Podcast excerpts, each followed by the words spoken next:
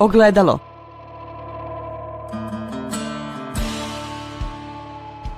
Podcast Autonomije.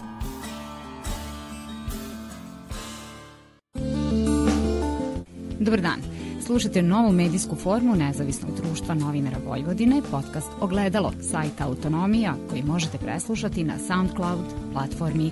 Ja sam Milica Kravićak Samit i sada je vreme da se pozabavimo pitanjima koja nazivamo ženskim. To su zapravo pitanja svih rodova, jer borba za ravnopravnost je borba za normalnost. Želimo društvo u kom smo različiti, a jednaki u svojim pravima. Pa kako izgleda analiza poslednjeg izbornog procesa iz tog ugla? Jesmo li imali žene na listama, u emisijama, spotovima, šta su zagovarale i da li je ikome bilo posebno važno da se zauzme za ljudska prava? Novosadska novinarska škola je i ovog puta radila monitoring izbora. On je bio malo drugačiji odnosu na sve one rađene prethodnih 20 godina. Novinarki i istraživači pratili su tri emisije iste po formatu, ali po osobinama drugačije. Dakle, Upitnik, Utisak nedelje i Hit Tweet kao i dve centralne informativne emisije na prvom programu RTS-a i televiziji N1. Takođe, analizirali su i političke TV spotove kao i tweetove osoba sa listi i Facebook stranice lista. E pa osnovne zaključke za našu emisiju iznosi profesorka Dubravka Valić-Nedeljković. Iz tog ogromnog korpusa koji je trajao dakle mesec dana od recimo 16. 17. maja do 18. juna za vaše prvo pitanje bih rekla a, pre svega veliku razliku između onoga što je radila televizija N1 i što je radio RTS. Kada je ton cele emisije u pitanju, N1 je imao jedan opor a, angažovano kritički a, ton sa snažnom negativnom sa snažnim negativnim pristupom. RTS je imao pozitivan ton i u svojim emisijama je uključivao i rubrike koje, odnosno teme, koje nisu bile direktno vezane za dve osnovne stvari, to je dva ovaj osnovna topika, a to su korona, epidemija i ovaj, predizborna kampanja. Dakle, to su bile dve praktično različite Srbije koje smo mi mogli da posmatramo u te dve centralne informativne emisije. Mi smo izabrali ove dve upravo zato što N1 reprezentuje e, taj, tu malu grupu e, nezavisnih medija, e, ona je regionalna i kablovska, a RTS je javni servis koji reprezentuje opet u odnosu na zakon o javnim medijskim servisima, nešto što se smatra javnim interesom. E, drugo što bih rekla za ove dve suprotstavljene emisije jeste da N1 nije pratio funkcionersku kampanju, ali je imao taj analitičko-kritički osvrt na dnevno politički kontekst i ukazivao na sve kontroverze našeg društva koje su se događale između dva izborna ciklusa. RTS je pratio sistematski kampanju funkcionersku, pokušavao je time što su novinari RTS-a profesionalci, da na neki način ublaži taj implicitni propagandni ton koji su ove rubrike imale A, I činilo se s vremena na vreme da je to zaista izveštavanje o događajima, međutim, s obzirom na, prema izboru tema, sagovornika i tako dalje, međutim, to su bile snažne funkcionerske kampanje i ceo ton dnevnika je bio da smo mi uspešni. Uspešni smo u borbi sa koronom, uspešni smo sa privredom koja opstaje u tim teškim a, vremenima pandemije, a, uspešni smo u otvaranju novih pogona i tako dalje. I e, onda se bavi obrazovanjem RTS, dakle to zanima celu publiku, naprosto zato što su e, roditelji u pitanju. A drugo što je jako važno, zabrinuti roditelji i za osnovce, i za srednjoškolce, i za studente, i krenuo je sa jednom um, profesionalno dobro urađenom i relaksirajućem kampanjom Letujte kod kuće koje je na kraju dnevnika ipak davalo neki mali optimizam auditorijumu i pokazivalo krajeve koje mi ne poznajemo, iako je to u stvari isto bilo im ovaj prikriveno oglašavanje centara koji su bili promovisani. Sociološkinja Višnja Baćanović, koja je dugogodišnja konsultantkinja za uvođenje rodne perspektive u javne politike, smatra da i ovog puta izborni proces nije učinio ništa vidljivim pitanja koja su od suštinske važnosti za žene. Naravno, ono što, je, što su neke kampanje još od 2008. godine pokazivali kad je Novosadska novinarska škola radila veliko istraživanje kandidatkinje o tome kako su zapravo kandidatkinje prikazane tokom predizborne kampanje, e, ti rezultati se nisu puno promenili. Mi još uvek nemamo situaciju i političku klimu u kojoj bi se teme koje se u kampanji pojavljuju nekako formatirale i uokviravale kao one koje bi trebale da se tiču žena ili da, da interesuju žene, niti e, da na neki način budu važne ženama. Tako da u principu žene i dalje su na listama da bi naravno se ispunila kvota i to je fenomenalna stvar zato što je kvota tu i žene i dalje mogu da uđu u parlamente. Kvota jeste važna, ali žene uprkos procentu od visokih 40% prisutnosti na listama nisu bile ni upala toliko zastupljene u analiziranim sadržajima, ističe profesorka Valić Nedeljković komentarišući analizu rezultata njihovog istraživanja. Šta je sa rodnom perspektivom? Obe televizije, ali pre svega u stvari, da vam kažem, ovaj, liste su se ovoga puta pokazale zaista rodno potpuno nesenzitivne. U N1 je bilo otprilike 20% kandidatkinja u tim ovaj, objavama i odgovorima na pitanja a, televizije N1, dakle da su liste ustupile a, kandidatkinjama reč, da se zalažu za ovaj, o, određenu temu, a u RTS-u čak 13%. Kažem čak zato što su prethodne sve kampanje pokazale da je taj procenat bio od 14 do 15% kako kada. 13% je zaista o, toliko o, skromno i liste su u stvari pokazale da oni ne uzimaju ozbiljno kandidatkinje, a vodite računa, sada je 40, po novom izmenama zakona je 40% žena na listama. Znači, taj podatak je u stvari još drastičniji. Da nije vrlo aktivno u kampanji bila Milica Đurđević, koja je predsednica ove stra, Srpske stranke Zavetnici, taj broj bi bio drastično manji. Ono što je rečeno hiljadu puta do sada i treba da bude ponovljeno, to je da apsolutno prisustvo žena u politici nije garancija feminističke agende. Prisustvo žena u politici i na predizbornim listama, pa i u parlamentima, nije garancija um, branjenja interesa žena. Prisustvo žena u parlamentima nije garancija uh, toga da će one zagovarati ženski interes ili feminističku politiku.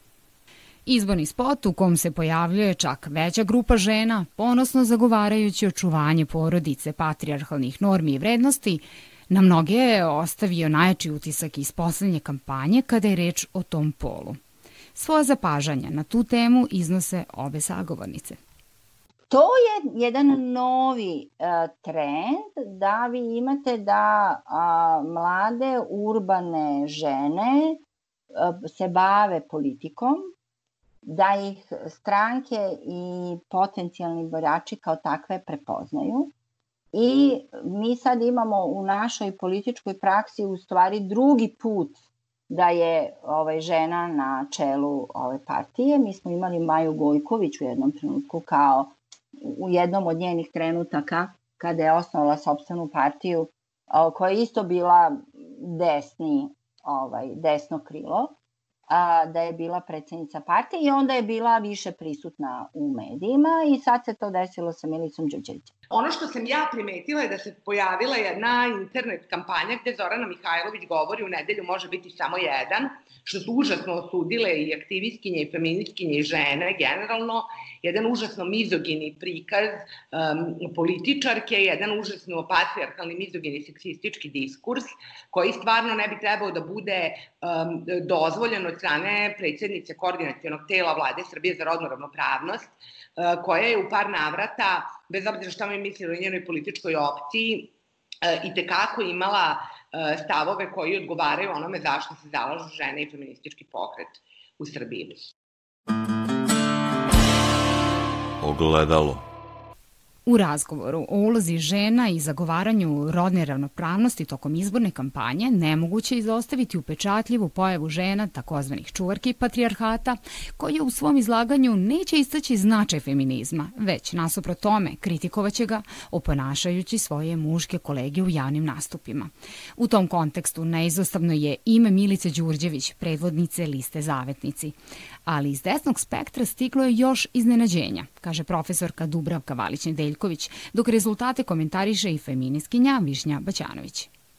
Ali ono što je recimo meni iznenađenje u ovoj kampanji, da su partije koje su, odnosno liste, koje su prepoznate u društvu kao desničarske i kao baš nedemokratske, u stvari pokušale da angažovanjem kandidatkinja koje se pojavljuju u tim e, prilozima koje su oni ovaj, emitovali, ali to nisu TV spotovi, da se mi razumemo, u suštini hteli da pokažu drugu, auditorijum u drugo lice ovaj, svoje a, stranke i to je vrlo prisutno za SDA. A, SDA je ovaj, Sulejmana Ugljanina imao čak pet žena koje su se pojavile a, kako da kažem, u spotovima na RTS-u i govorile, zagovarale u stvari ideju samostalnosti i autonomije Sanđaka. Naravno, nijedna od e, tih žena koje su bile u prilozima SPS-a su govorile o ženama i ravnopravnosti žena. Jedna mlada žena u, u, u prilogu SPS-a je u jednom trenutku rekla leva orijentacija ima žensko lice, to je bio onako dosta posticajan slogan, ali ostale su se u stvari zalagale za e, ideje svoje liste, a ne za ideje ženske ravnopravnosti, ljudskih prava, boljeg statusa žena i tako dalje. Žene nisu u politici nužno da bi zagovarale za e, ljudska prava ili za rodnu ravnopravnost. Mi očekujemo kao feministkinje, kao ženski pokret istorijski, Da, dakle, imamo dve varijante. Jedna je da mi očekujemo da feministkinje i članice ženskog pokreta ulaze u politiku da bi zagovarale za ženska ljudska prava, rodnu ravnopravnost i rešenje problema koji pogađaju žene u, prosto u javnoj sferi. To je jedna stvar. Druga stvar je saradnja ženskog pokreta sa političarkama koje su kao takve izabrane nevezano od svog feminističkog ili antifeminističkog opredeljenja, gde mi pokušavamo da javnim zagovaranjem i saradnjom sa njima ostvarimo isto ovo, da stavimo ravnopravnost, ženska ljudska prava i tako dalje na agendu.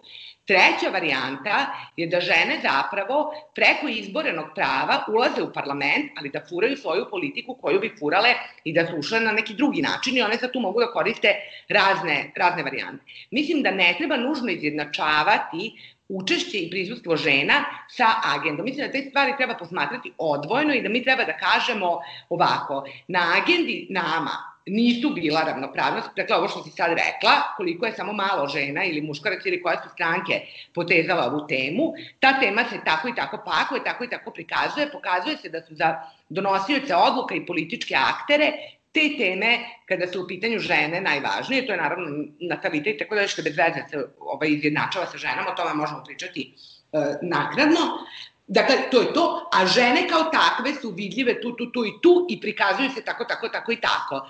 Mislim da je važno da bismo bili precizni, da jednostavno te dve stvari ne brkamo. Možemo da kažemo da mi ovog trenutka imamo, na primer, tri ili četiri političarke koje otvoreno su, koje su otvoreno feministkinje, zagovaraju za ženska ljudska prava i tako dalje, ili imamo toliko i toliko muškaraca političara. O tome prosto možemo pričati, ali definitivno da mi imamo E, deficit feministkinja među političarkama. Eto, to je to. Ne bih rekla da je to neka jaka nefeministička struja. Ja mislim da naše, naše tradicionalističko društvo smatra i dalje da je politika muškog roda. I žene kada jesu na listama, one su više aktivistkinje na terenu, ali u medijima one nemaju veliku šansu zato što auditorijum ipak više veruje političarima. Istovremeno, pogledajte, sve liste, sem liste Milice Đurđević su imale kao uh, lidera liste i kao prvu osobu uh, na listi su imali muškarce. Pa meni njen, uh, njena pojava kao i bilo koja desničarska pojava uh, u suprotnosti sa mojim političkim, građanskim i bilo kakvim opredeljenjem. Tako da u tom smislu um, je njena pojava meni nekako neprihvatljiva. To što je ona žena, apsolutno nema nikakve veze sa njenim stavovima, dakle to smo rekle hiljadu puta do sada, da su žene čuvarke patrijarhata, jednako kao muškarci, dakle u istoj meri, ali na drugi način, sa drugim temama, sa drugim argumentima i na drugi način, zato što muškarci čuvaju nekako a priori patrijarhat, tako što ga ne preispituju, e, reprodukuju ga nekako automatski i tako dalje, a žene, baš zato što osjećaju sigurno neku vrstu odgovornosti, onda imaju neku novu, novu prizmu iz koje istupaju, upravo da negiraju feminističke, feminističke vrednosti kako bi se na taj način od njih ogradile i dakle e, pokazale da one nisu. Tako da one imaju još tu nekako aktivniji pristup, kako bih rekla, u tom anti, antifeminizmu, više nego muškarci, ali oni nemaju od čega se brane, oni prosto nisu feministi pa nisu. A od žena se to može očekivati, pa onda one insistiraju da su one ta druga strana. E, s druge strane, ako gledamo ideju, ideja je da žene, kakve god one bile, imaju priliku da učestvuju u političkoj borbi, da ne treba da budu diskriminisane kao žene, da bi u nju mogla da uđu. E sad, nismo se bavili istraživanjima da li je za Milicu um, prohodnost veća zato što je desničarka, to je sigurno isto tako tačno. Da je levičarka žena, onda bi za nju ili feministkinja, za nju bi onda zbog feminizma, znači ona ima tu dvostruku diskriminaciju, a ovde zapravo ona koja je žena koristi um, antifeminizam da uđe u arenu političke moći. Iznenađenja, kako reče profesorka, bilo je među desničarskim partijama, ali šta je sa levičarskim listama, koje bi po svojoj prirodi trebalo da zagovaraju ljudska prava, ženska i svakako radna? Posmatrajući ceo politički spektar, čini se da su sva ta važna pitanja ostala uglavnom neizgovorena. Mislim da ste potpuno u pravu, da u stvari rodna ravnopravnost uopšte nije pitanje ove kampanje, niti ljudska prava kao takva Čak je i radno pravo bilo vrlo sporadično. I recimo zanimljivo je da je o radnom pravu su govorili radikali, oni su imali jedinu ideju kako da poboljšaju radna prava ovaj osoba koja su, koje su zaposlene ovaj, u Srbiji pod vrlo nepovoljnim uslovima kod stranih poslodavaca. Znači, levica i centar se uopšte nisu bavili radnim pravima i radnicima do, čak, čak sporadično ovaj, i SPS e, se bavio radnim pravima, ali radikali su se time bavili.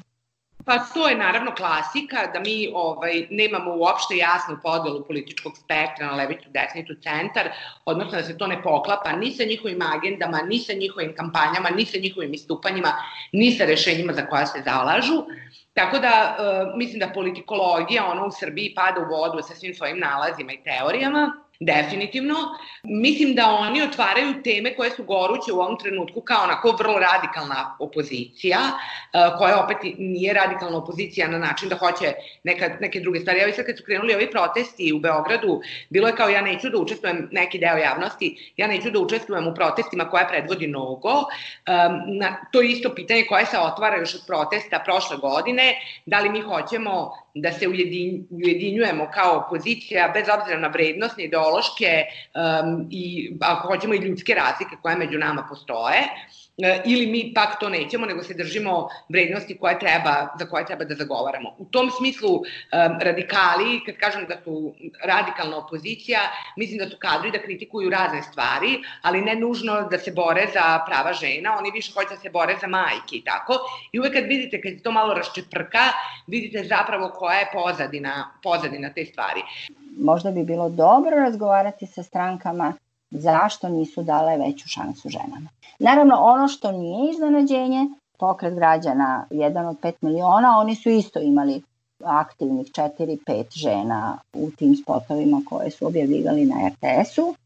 I kažem vam, SDA je bilo iznenađenje um, zato što se od jedne takve ove stranke to nije očekivalo.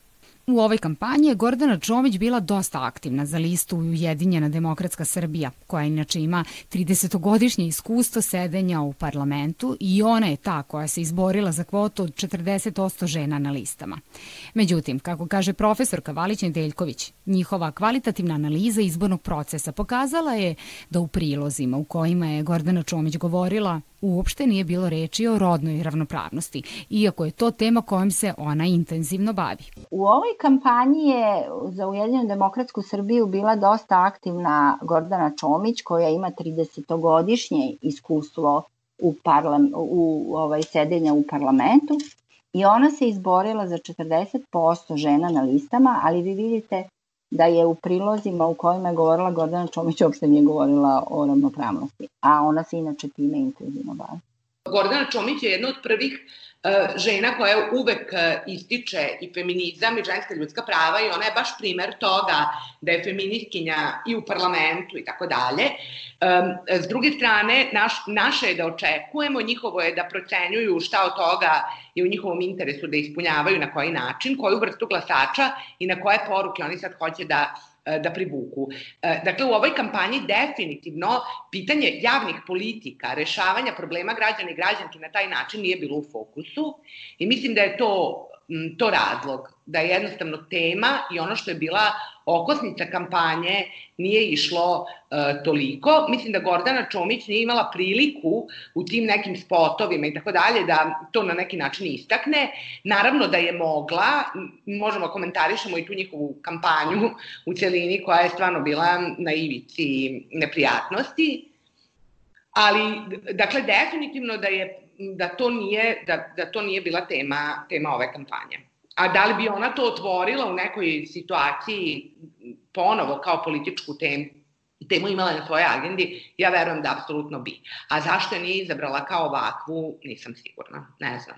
Prema rečima sociološkinje Višnje Bećanović, koja se zauzima za unapređenje rodnih politika, poslednji izbori ne da nisu bili u tom smislu značajni, već je izostao čitav niz tema koje su od presudne važnosti za javnost u ovom trenutku. Generalno, toliko nam je nekako osiromašena debata javna, da nije bilo govora i nije uspelo da prodre to što smo recimo mi radile, da uradimo analizu mera E, koja je država preduzimala kao odgovor na epidemiju na žene i muškarce. Dakle, šta je od onih mera pomoći, na koji način targetiralo žene i muškarce, probleme sa kojima su oni suočili, rodne probleme koji su se pojavili i tako dalje. E, nije bilo debata ni o budžetima, ni o politikama, ni o drugim nekim stvarima, tako da je ove izbore baš bi bacila u vodu u celini. Žene nisu pokazale um, u ovoj kampanji jasan aktivizam, verovatno nisu imale baš ni šancu. Čak i one koje su govorile nisu bile dovoljno ubedljive, sve Milice Zavetnice koja je imala odličan inače medijski nastup i bila je vrlo angažovana kao govornica, nisu ostavile nekakav utisak na ovaj birača. Da nema zakona, ne bi toliko žena bilo na listama, ja sam sigurna. Žene su odradile na ovim izborima zakonsku ulogu. Znači, one su bile prisutne na listama, a nisu bile prisutne u medijima. Znači, one su samo suštinski ispoštovale zakonsku odredbu da mora biti 40% žena na listama. I to je bio njihov zadatak i one su tako gde su ih stavili, tu su i ostale. Ono što jeste nekako na, na agendi je da mi, kad se borimo za to da žene uđu u parlament, mi se borimo za to da uđu žene da bi žene imale jednake šanse. E, isto tako, mi naravno očekujemo da one budu svesne toga da je to deo paketa feminističke borbe, ali nisu sve sve od njih svesne. I naravno da postoje odlični primeri saradnje ženskog pokreta i političarki, kakva je recimo i ženska platforma za razvoj Srbije, ali, dakle, još 2000. godine, isto tako postoje odlični primjeri saradnje kao što je bilo zagovaranje zakona o budžetskom sistemu po kom je rodno odgovorno budžetiranje ušlo da bude zakonska obaveza. Dakle, u tome su učestvovali i tadašnji ministar financija i ženski pokret i članice ženske parlamentarne mreže u Narodnoj skupštini Republike Srbije. Ali s druge strane, cijela ta priča o rodno odgovornom budžetiranju ni u medijima, ni u predizbornoj kampanji uopšte nije vidljiva i ja verujem da građani i građanke Srbije ne znaju ni šta je rodno odgovorno budžetiranje, ni o čemu se radi. Iste te žene u parlamentu nikad se ne bave izvršenjem budžeta, da vide da li su stvarno te e, stvari e, ispunjene koje su obećane, tako sada ne ulazim u praćenje budžetskog procesa. Dakle, sve to je ono što je opšte mesto, ali ova kampanja je bila specifična po tome što generalno mi imamo u Srbiji kontrolu medija, imamo deficit demokratije, imali smo bojkot izbora od strane građana i građanki, neke političke stranke i opcije su zagovarale za to rešenje. Uh, takođe imali smo kampanju u uslovima pandemije virusa COVID-19 Um, tako da ova kampanja je nekako specifična po jako mnogo drugih stvari, gde pitanje vidljivosti žena spada onako u treće ili četvrto po redu, ne za mene, nego mislim za građane i donosioce, donosioce odluka. Nakon opsežne, detaljne i prilično demotivišuće analize poslednjeg izbornog procesa u Srbiji iz ugla rodne perspektive, važno je da potražimo i neki savet koji će makar uliti tračak nade da su promene moguće – da će žena, sem broja na papiru, zaista uskoro i biti ona koja se pita, smatra i još važnije, donosi odluke. Ako hoćemo jasnu artikulaciju e, feminističkih zahteva, moramo da izborimo medijski prostor za jednu jasnu liniju koja ide od ženskog pokreta do žena političarki koje uživaju određenu političku podršku biračkog tela, kako će one do njene, nje doći, to je opet pitanje njihove strategije, da li će to raditi u sradnji sa ženskim pokretom ili samostalno, to je opet pitanje njihove strategije, ali za nas je važno da pokušamo da u stvari naše teme postavimo na društvenu agendu i onda da, da ih u stvari, ali to je dugoročni proces, mislim, na primjer, ako bismo mi danas počeli da pričamo o tome u medijima jako glasno, možemo očekujemo da bi za dve, tri godine eventualno to bila politička tema od prvoradzenog značaja u kampanji. Ogledalo. Ja bih voljela da mi imamo priliku da više govorimo o rešenjima, šta je ono što mi vidimo kao korak napred za nas, kao strategiju za nas, zato što mi stalno govorimo šta ne valja i šta je loše, ali jednostavno ne govorimo o rešenjima. I mislim da moramo nekako promeniti pristup, mi unutar sebe, a onda i nadalje, i da vidimo šta je ono što stvarno možemo da radimo. To što ženska platforma radi, to je ogroman proces. Sedi 20 godina Palića, ove godine mi pripremamo pregled stanja po indikatorima i tako. I vidjet ćemo zapravo koju vrstu savezništva mi sa političarkama ovaj put možemo da imamo i koliko je, uh, mislim, nema konsenzusa znaš, u ženskom pokretu oko toga da li ćemo raditi kolaboraciju ili nećemo. Mi trenutno imamo SNS na vlasti, njihove žene i muškarci, ali žene prvenstveno zbog te ideje o solidarnosti feminističkoj, su one sa kojima mi treba da vidimo da razgovaramo. Pitanje je da li to uopšte može, na koji način, sa kojim ciljem, na šta mi u stvari hoćemo i tako. Tako da to su velike teme o kojima treba da mislimo i da otvorimo ako treba i neku debatu. Hvala što ste slušali i slušale Ogledalo i hvala sagovornicama Višnje Baćanović i Dubrovki Palić Nedeljković. Ostanite uz naš podcast.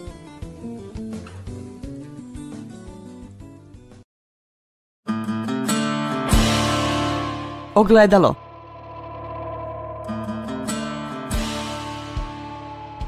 Podcast Autonomija.